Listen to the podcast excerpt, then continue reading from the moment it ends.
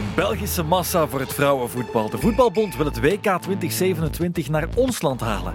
Samen met Nederland en Duitsland mikt BNG op een compact en duurzaam toernooi. Is dat genoeg om te overtuigen?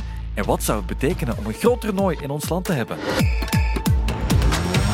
Hallo, welkom bij de laatste Sportsa Daily van de week. De week afsluiten doen we met een belofte, met een wens. De Voetbalbond hoopt de organisatie van het WK samen met buurlanden Nederland en Duitsland binnen te halen.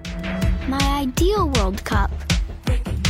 That would definitely be one where football countries work together.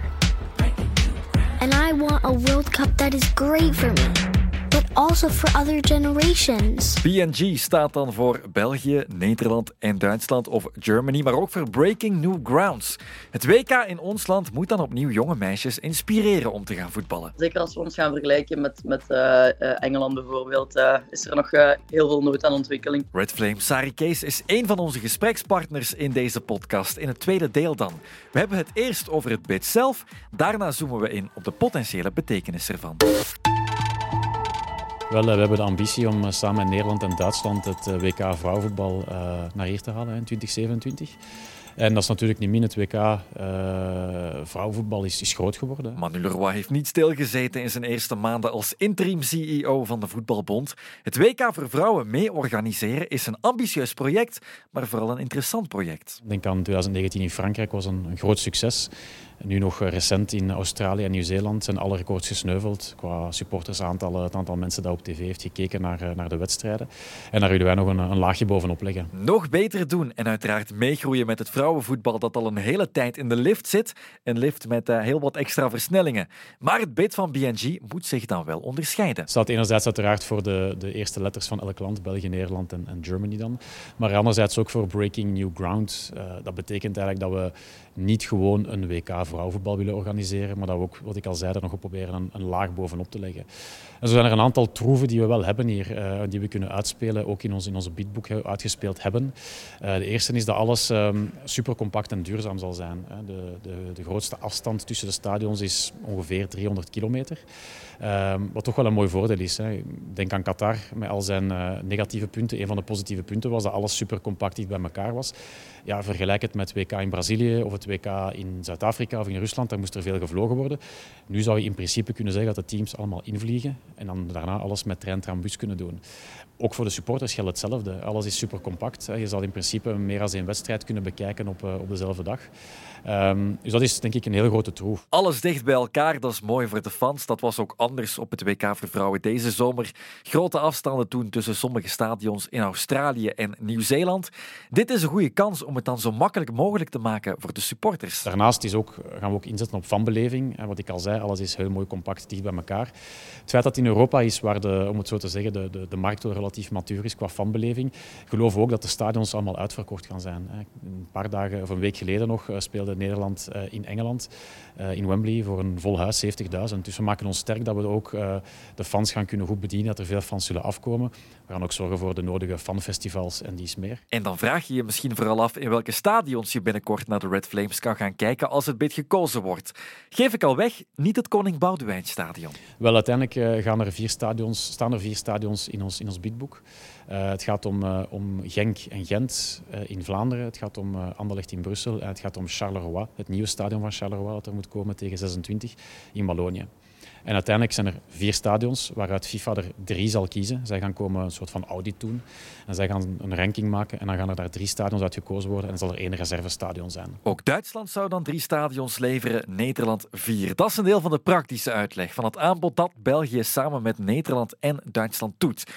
Maar je wil er ook iets voor terugkrijgen en dan vooral in de vorm van toenemende aandacht. Ja, het zou, ik denk als, als we naar eh, de landen kijken waar dat zo'n een EK of een WK eh, georganiseerd is, dat dat gewoon een enorme boost heeft gegeven aan de ontwikkeling van de sport. Dat hoor je van Katrien Jans, manager van de Red Flames. Maar ook als je zo'n evenement organiseert in je land, ja, heeft dat een boost op, op verschillende zaken. Als wij nu gewoon eh, naar, naar het voetbal kijken, ehm, zien we dat ja, qua participatie, qua fanbeleving, uh, dat dat echt, die landen dat dat georganiseerd hebben, dat dat, dat dat echt vrouwenvoetbal op de kaart heeft gezet. Ik denk, kijk nu naar, naar Australië, de straten waren vol, fanvillages waren vol, de stadions waren vol, waar dat eigenlijk voetbal in Australië niet eens de populairste sport is, waar dat er veel andere sporten populairder zijn, uh, heeft dat echt getoond dat, dat, dat zo'n organisatie gewoon de sport echt wel op de, op de kaart zet. Voilà, genoeg redenen om ervoor te gaan en die vindt de bond ook in de eigen cijfers. Het vrouwenvoetbal ontwikkelt in kwaliteit en in aantal, maar het mag nog wat meer zijn. Ja, ik denk, uh, tuurlijk, uh, we, we, zetten stappen en, en uh, ja, wat ik, da, wat ik daarnet ook zei, is van... Um, vele landen of vele continenten kijken misschien naar Europa van het vrouwenvoetbal is al redelijk goed ontwikkeld. Maar uiteindelijk, als je naar onze landen kijkt, slechts 10% van het aantal leden is, is vrouwelijk in ons geval, maar ook in, in Nederland 14% en Duitsland 15%. Dus dat zijn Um, op zich ligt daar nog heel veel groeimarge en heel veel, veel opportuniteiten en moet het gewoon beter. Um, ik denk dat we, dat we naar meer mogen streven. Um, en ik denk dat er al goede stappen gezet zijn, maar dat er nog ja, heel veel werk op de plank ligt en heel veel opportuniteiten om de sport te laten groeien. En dan is het WK organiseren een mooie kans, maar er is uiteraard concurrentie en die komt waarschijnlijk uit de hoek van Brazilië en de tandem Mexico-VS. Maar Manu Leroy is optimistisch. We weten natuurlijk, UEFA zal uh, solidair zijn met ons, ons bid uiteraard. Dat betekent dat we een vijftigtal stemmen binnen hebben. Uh, we moeten er ongeveer 100, iets meer dan 100 hebben om uh, 50%, meer dan 50% te halen. Dus dan gaan we moeten inderdaad beginnen tellen. En ook ons verhaal naar buiten gaan brengen. Er is ook een hele communicatiecampagne voorzien die vanaf 8 december tot 17 mei zal lopen. waarin we willen kenbaar maken wat onze, onze sterktes zijn van het bod van, van ons BNG-bod. En dat gaan we vooral naar buiten proberen brengen. Laten we dan al wat vooruitblikken. Een WK in eigen land, het zou straf zijn. En we hebben natuurlijk al iets soortgelijks meegemaakt. 23 jaar geleden. Thank you, thank you very much. Thank you very much and good luck. Tout le monde est fair play. Yeah! Et voilà. Le, sport, uh, le sport a de gagné. sport. Le football a gagné. sport is gewonnen, dus ik denk dat... Wij zijn de kampioen. In 2000 organiseerde België samen met Nederland het EK voetbal bij de mannen.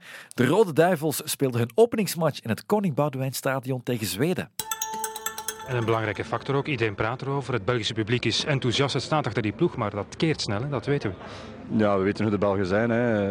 Eh, Als, het, als het goed gaat, dan, dan supporters ze voor, eh, voor de ploeg. En als het minder gaat, ja, dan keren ze zich tegen de ploeg eh, om. We hebben ze nu achter ons, dat voel je wel. Ook hier aan de trainingen, op de sfeer op trainingen. Het aantal mensen dat komt kijken naar die, naar die trainingen. Als we dat kunnen houden eh, na de eerste wedstrijd, dan zitten we goed. En Lorenzo Stales denkt nog terug aan hoe hij als kapitein de troepen op het veld mocht leiden. Ja, dat zijn eh, heel mooie herinneringen natuurlijk. Als je kapitein bent, dan mag je inderdaad eh, daar in het midden gaan staan. Ik, denk, ik weet ook nog dat mijn zoon eh, al die wedstrijden is mee- meegelopen aan mijn hand. Die was toen een jaar of, ik weet niet, eh, in 2000 jaar of eh, zes zeker. Eh, en die mocht dan mee oplopen met, eh, met Rode Duivels. Wel echt een unieke ervaring. En dan vol stadion, ja, dat was eh, uniek. Want daarvoor, toen we, het is niet zoals nu, de Rode Duivels spelen meestal wel voor een vol stadion. Maar toen in die tijd was dat nog niet altijd zo. Maar voor het Euro 2000 is dat wel het geval geweest. Dus wat dat betreft is het zeker niet aan gelegen dat we daardoor eh, door te weinig toeschouwers niet, niet zijn doorgegaan. Eh, maar ja, het is gewoon, eh, ja, dat, is, eh, dat pakt u, hè. Eh, zoiets. Eh, je staat er dan, je moet natuurlijk je focussen op die wedstrijd. Een keer dat die wedstrijd begint, is, dat wel vergeten. Maar het moment van, van naar buiten komen, op, over die piste lopen, op dat veld gaan, eh, totdat de aftrap gegeven is, is, is gewoon ja, eh, iets dat je ja, zelden anders ervaart hè, in het voetbal. Bijzondere momenten winnen op een EK voor een vol Belgisch stadion, maar de Rode Duivels gingen er wel uit in de groepsfase.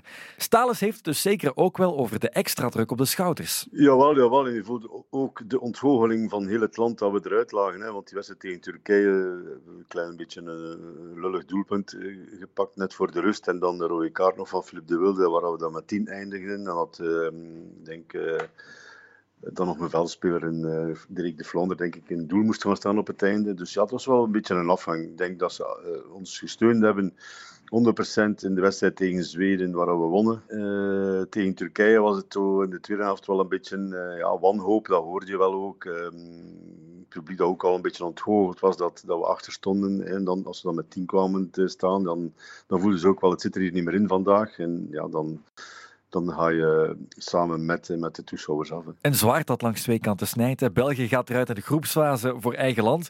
Maar een ander voorbeeld, Engeland won het TK voor vrouwen in 2022 voor eigen publiek.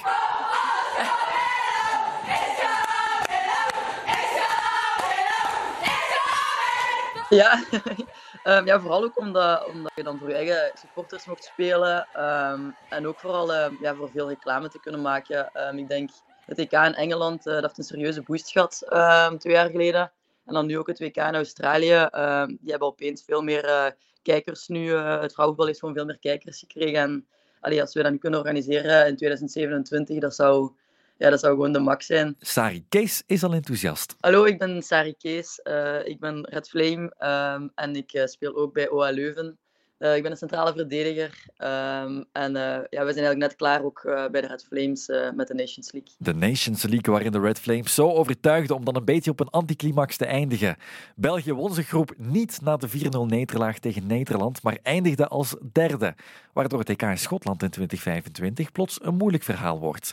Maar het WK in 2027 biedt dan een mooie kans. Ja, inderdaad. Maar uh, we moeten nog niet optimistisch zijn. Er kan ook veel gebeuren. Uh, dus allee, het is nog drie jaar wachten tot dan. Maar inderdaad, um, ja, het is gewoon echt uh, een heel mooi doel om uh, naartoe, alleen naartoe te werken en uh, om naar uit te kijken. Kees is ook nuchter, maar het is zo dat de Flames zich goed ontwikkelen. En Kees zelf, ook nog maar 22, kan in 2027 voor een mooi meetpunt staan met de Flames. Ja, ik denk het wel.